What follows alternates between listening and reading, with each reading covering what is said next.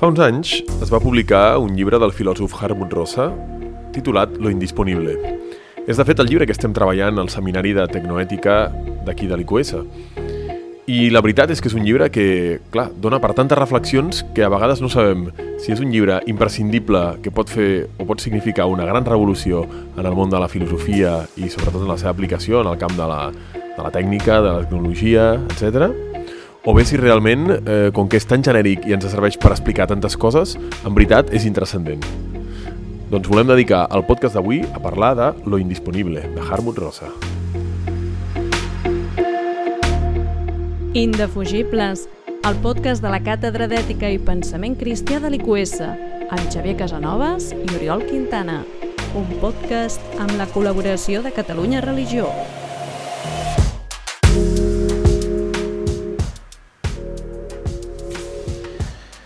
Una de les coses que, que més bueno, que més curiós resulta en el llibre és que mm, es pot explicar que és l'indisponible amb exemples tan, tan, tan idiotes que, que aleshores dius, bueno, i per això s'ha de dedicar un llibre, algú ha de pensar sobre això. El meu exemple favorit és el del futbol, no? que ell posa... Eh, allò indisponible és, per exemple, el resultat d'un partit de futbol. Mm, a, a priori un equip pot reforçar-se en el mercat, així tipus Real Madrid o Barça, i buscar els millors eh, els altres i altres, no? I, i buscar els millors jugadors, però mai es pot saber com acabarà un partit. És a dir, l'Elche li pot fotre una pallissa al, Bar al Barça o al Madrid en un moment dado. És impossible saber com acabarà. I això és exactament el que fa que, el, que veure un partit de futbol, futbol valgui, valgui la pena. O sigui, hi ha certes coses que estan fora del nostre control i justament són les que més valen la pena en la vida. Ve ser la tesi del llibre. Bueno, de fet, la tesi és que que la modernitat, no? la manera nosaltres que tenim de, de relacionar-nos amb el món, és d'una manera agressiva, és a dir, és la búsqueda total del control. No? D'alguna manera, el subjecte modern està obsessionat en controlar processos, dominar el món, dominar la naturalesa, eh, poder d'alguna manera controlar fins i tot la possibilitat de, de ser feliç, diguéssim, no? de sentir-se realitzat i, per tant, de tenir una vida plena, eh, posar tot, tot, tot, tot, tots els variables sota control. No? Una de les gràcies del llibre, aleshores, és que el Rosa, en un moment dat, en un, capítol dels capítols, no al principi, eh, el tio va fer un repàs dels moments més, més essencials de la vida, com, començant pel naixement, acabant per la mort, no? En els, i, i mostrant que, de fet, eh, si tots aquests moments són rellevants és perquè no tenim un control estrictament sobre ells. Uh, per molt que s'intenta s'intenta controlar. No? Com per exemple el naixement, la, les dones quan es posen, a, a, es posen de part i abans se li posa una quantitat de cables a sobre, no? Que és ridícula, perquè dius, però què està passant aquí? Sí? I aleshores també diu el Rosa que com, com més possibilitats hi ha de controlar el fet de la maternitat, més angoixa es crea per si surt malament. No? En l'època en què no hi havia tota aquesta tecnologia, les mares, doncs clar, afrontaven la maternitat eh, amb certa angoixa, evidentment, però en el fons confiant, perquè clar, quan ja saps que no pots controlar res, ja no té sentit posar-se nerviós. En realitat et relaxes i dius, bueno, que sigui el que Déu vulgui, o, el destí, o les muses, o qui sigui, el que siguin que creus. No? Per tant, és una forma gairebé més sana, fins i tot, de relacionar-se amb allò que no pots controlar. Perquè és que, de fet, no pots controlar tot, això és evident. I doncs, aquesta incontrolabilitat semi no, és el que fa que, que et posis com, que t'atabalis. No? Clar, probablement lo interessant eh, ve a ser justament això, no? que que busquem, no sé massa bé per què, no? la, la controlalitat total del món, però allò que ens farà feliços, allò que ens farà ressonar, perquè tot això està basat en la seva tesis de, de la ressonància, és justament lo incontrolable. No? I per tant, d'alguna manera, és com si nosaltres ens busquéssim la nostra pròpia desgràcia, perquè, perquè això es dona, com deies tu, eh, en quantitat de moments de la nostra vida en les quals allò que ens fa més feliç és justament allò que no, que no podem controlar. D'això n'hi ha molts exemples. O sigui, pensa en aquelles experiències significatives que has tingut en la vida i pregunta't si, mm, si, si has tingut sobre elles un control total. La resposta és no, o sigui, però, però agafa l'exemple de l'amistat. Eh, per què són significatius els amics? Pues perquè no són robots, diríem, no. Eh, si els estimes i tens afinitat, etc, però saps que et poden sorprendre, saps que no t'obeeixen així directament, eh, saps que que al revés t'aporten perquè ells et, et poden sorprendre, perquè de sobte no els acabes de conèixer mai, no? Aquest, això de que no, que no pots esgotar el, el coneixement de la realitat és el que emetre les definicions de, de lo indisponible, no? Però bueno, l'amistat és un exemple de, d'experiència humana que té significat perquè és incontrolable. Eh, i l'amor, diguéssim, i l'amor de parella, i el matrimoni, i el tenir fills. L'experiència més guapa de tenir fills és que eh, són independents de tu, creixen, i has d'estar al seu costat però mai saps com acabarà la cosa i, no? i estàs patint per si hi ha alguna desgràcia però també estàs il·lusionat perquè no? i fins i tot una experiència com eh, si et dediques a l'estudi, escriure una tesi doctoral eh, bueno, doncs, si t'hi dediques prou tires endavant, però, però fer-la bé no està assegurat mai i, i mai sabràs si, si et sortirà no? com Déu mana aleshores tot això és el que fa que la vida sigui, valgui la pena i intentar-ho sotmetre-ho tot a processos tecnològics de control és el que ho desgracia. De fet, es dona també no, en, en casos com la, com la típica tensió entre, entre llibertat i seguretat. No? Vivim en un món en el qual a vegades sembla o tindries la impressió de que més que mai hi ha, no sé, hi ha més violència als carrers o hi ha més eh, violència fins i tot per a les dones, eh, probablement perquè ho sabem més, i ho sabem més perquè, perquè tot està més registrat, tot està més controlat, no? Jo dubto molt que avui en dia hi hagi més violència, sobretot a les nostres societats occidentals que fa, que fa 100 anys o que fa 200 anys, no? Um, però, però la nostra obsessió de control ens fa creure o a vegades ens fa enganyar-nos a nosaltres mateixos de, les que, de que les coses realment són pitjor o, o estan molt més descontrolades no?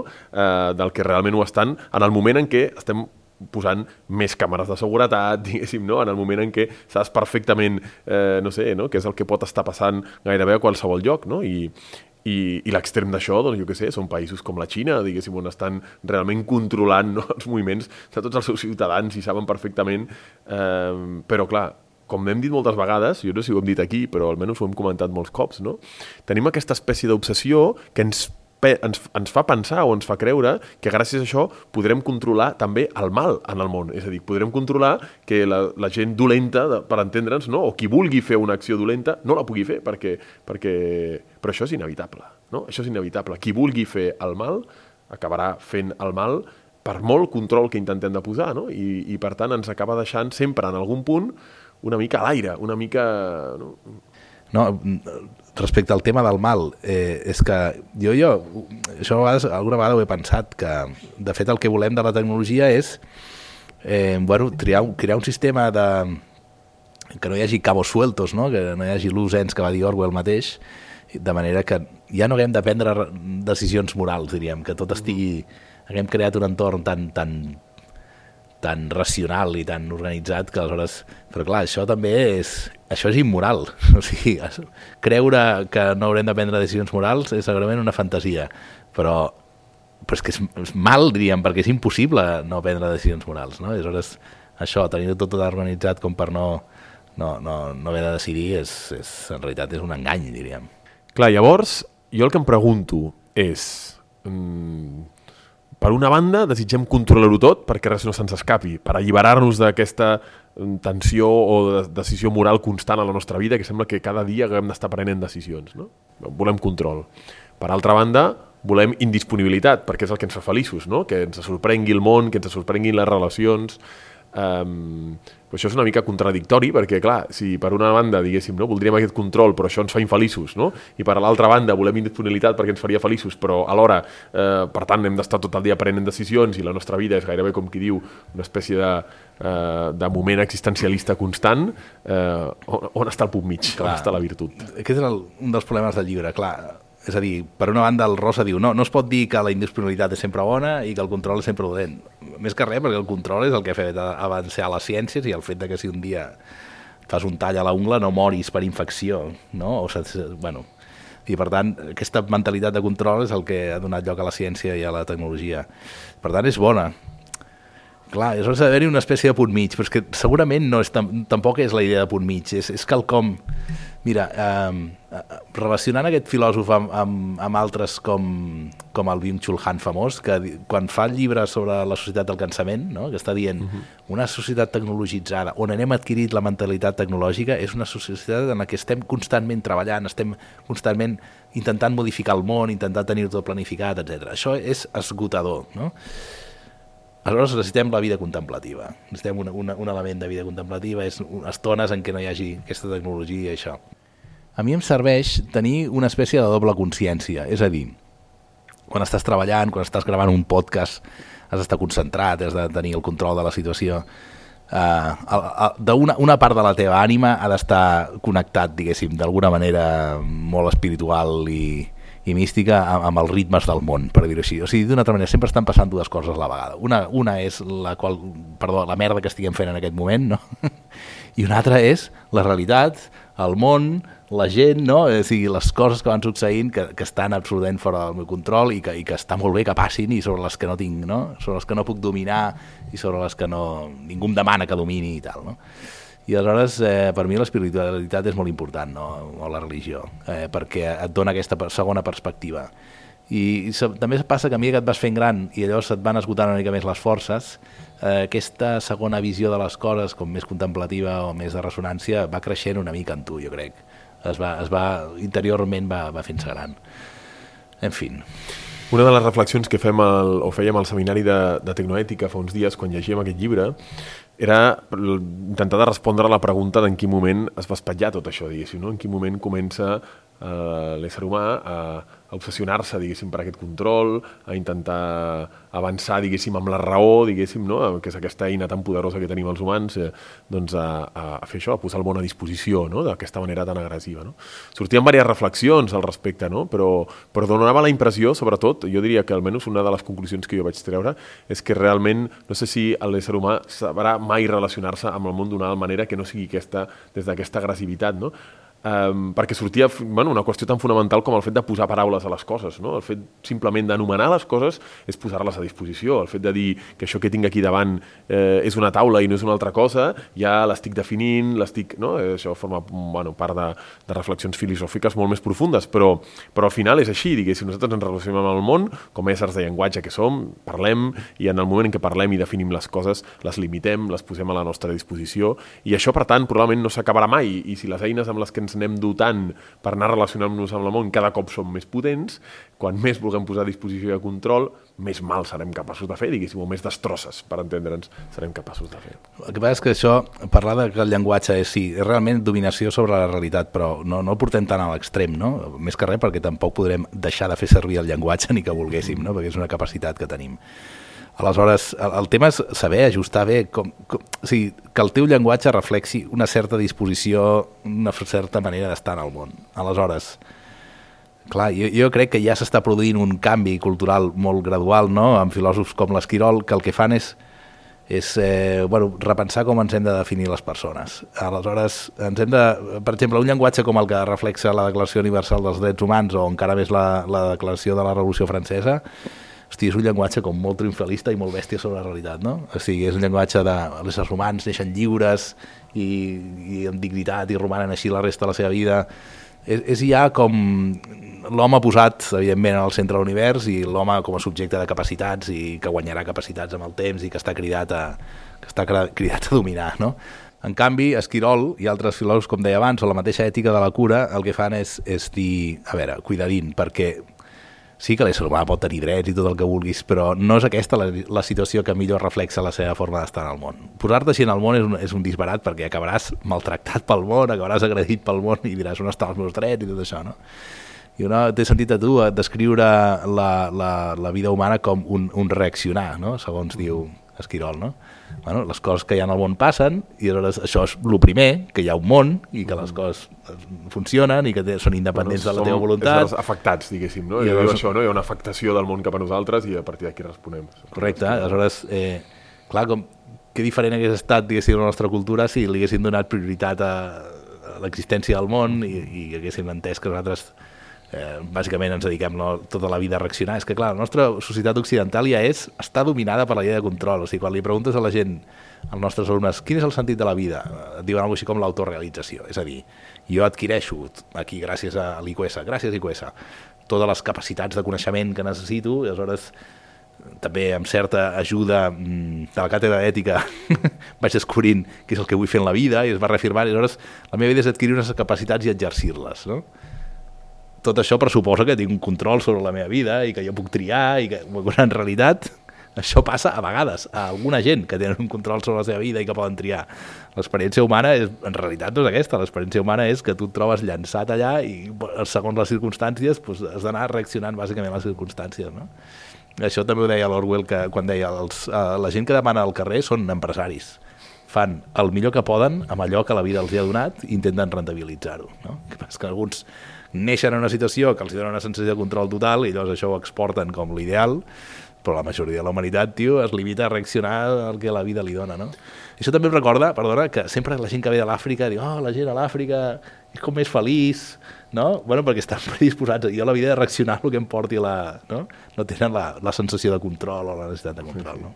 O sigui que certament tu creus i que que, sigui, que reflexions com aquesta del Rosa de lo indisponible com que es posen en un moment o, o s'exposen en un moment on hi ha tota una sèrie de pensadors o gent que està realment donant-li voltes a aquesta qüestió de la vulnerabilitat, de la indisponibilitat, de, de l'afectació... És a dir, com si hi hagués realment o s'estigués donant un cert gir, almenys en el camp del pensament, no? I ara em ve al cap la reflexió que ens va fer, no sé per què m'ha vingut, eh? Justament fa un any va passar per aquí la, la Begoña Román i va dir, va dir ostres, diu, si, si ara la societat occidental, no? que com qui diu, no? qui és el pare, l'ideòleg, Kant és el gran ideòleg, diguéssim, de la societat occidental en certa manera, o la culminació, però clar, d'això fa no? de Kant ja fa 200 anys, no? Eh, diu, per tant, potser tot això que avui s'està pensant, no? d'aquí a que culmini en un amb una implicació en l'organització social, eh, han de passar 200 anys, no? O sigui, com, com relativitzant també, a vegades, aquesta ansietat que voldríem ja que ja entenguéssim i comprenguéssim l'ésser humà i la seva relació amb el món d'una nova manera, però això no es donarà d'avui per demà per molts bons llibres que es publiquin i per molt èxit de ventes que tinguin, diguéssim, no? sinó que és un procés molt més llarg eh, que, que ha d'implicar grans canvis a tots els nivells. Sí, perquè, però bueno, jo crec que s'ha d'empujar el món en aquesta direcció. Clarament, per moure el món necessites molt de temps i molta gent empujant alhora, no? que s'hi hagi d'anar sumant, per tant és molt important que existeixin llibres com el Rosa i molt important eh, començar aquesta línia d'educació, no? que, bueno, parlant d'educació ja hem d'acabar, però és que els apartats que diu el Rosa, que parla de, de els sistemes moderns d'educació són estan basats en el control, en les rúbriques, en els resultats, i, i tothom que es dedica a l'educació sap que això és absolutament ridícul, no? El programa de l'assignatura, quines, quins exàmens faràs, quines, mm, com es diu això, quines competències, competències tot, tot això és, un, bueno, és una xorrada, amb perdó, eh, respecte al que és veritablement l'educació, que no, no té a veure directament amb el control, sinó que requereix pues, un profe, un alumne i una cosa a ensenyar, i aquí és un, un espai d'espontaneïtat on res es pot controlar pràcticament, no? En fi, bueno, com et deia, jo crec que s'ha d'empujar eh, cap a, la, a reaprendre què és la indisponibilitat i a relacionar-nos amb el món d'una manera més oberta eh, no? i més, més susceptible de ser ferits que no de controlar. Mm -hmm. De fet, per il·lustrar tot això, en el seminari de pensament científic que tenim amb els alumnes, els hi passem aquest capítol que justament ara té 10 anys de, de Black Mirror, aquest que es diu Be Right Back, que és aquesta dona, sento per l'espoiler, diguéssim, si algú no l'ha vist en aquest, aquestes alçades de la pel·lícula, però és aquesta dona que se li mort la parella, no? I, i clar, arriba un moment en què hi ha una tecnologia que pot fer reviure aquesta persona, no? Però clar, no acaba de ser del tot aquella persona, perquè ja sabem que això de la resurrecció de la carn, diguéssim, sempre és negoci de les religions, no? I, i, i quan fa reviure aquesta persona, que és una espècie de robot que, que és igual que ell, però només en té els records de la persona i intenta construir... Tal, bueno, evidentment, diguéssim, si hi ha alguna cosa indisponible, diguéssim, és l'altre, no? L'altre és el, tot, el totalment indisponible. Mm. I, I, evidentment, la cosa acaba com el Rosario de l'Aurora, molt malament, no?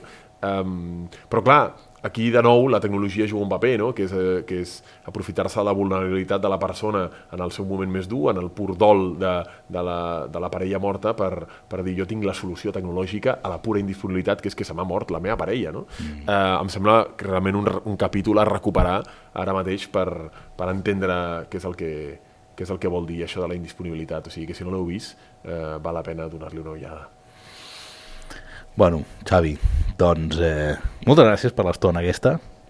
Bueno, espero que hagi sigut eh, una mica il·lustrativa, diguéssim, no? Almenys, eh, en qualsevol cas, hem compartit un dels temes que, que està en marxa ara al seminari de tecnoètica intern que tenim, que organitzem des de la càtedra d'ètica, en el qual volem reflexionar sobre totes aquestes coses. I, i igualment, si no us heu llegit el llibre de Harmut Rosa, jo crec que, tot i ser un llibre de filosofia, filosofia acaba entre la filosofia i la sociologia, eh, probablement és de lo més assequible, o sigui que, mm. que té un caràcter divulgador que jo crec que permet que, que un lector normal pugui, pugui accedir-hi fàcilment. Així és. I així ens emplacem, doncs, a la propera edició del nostre podcast Indefugibles.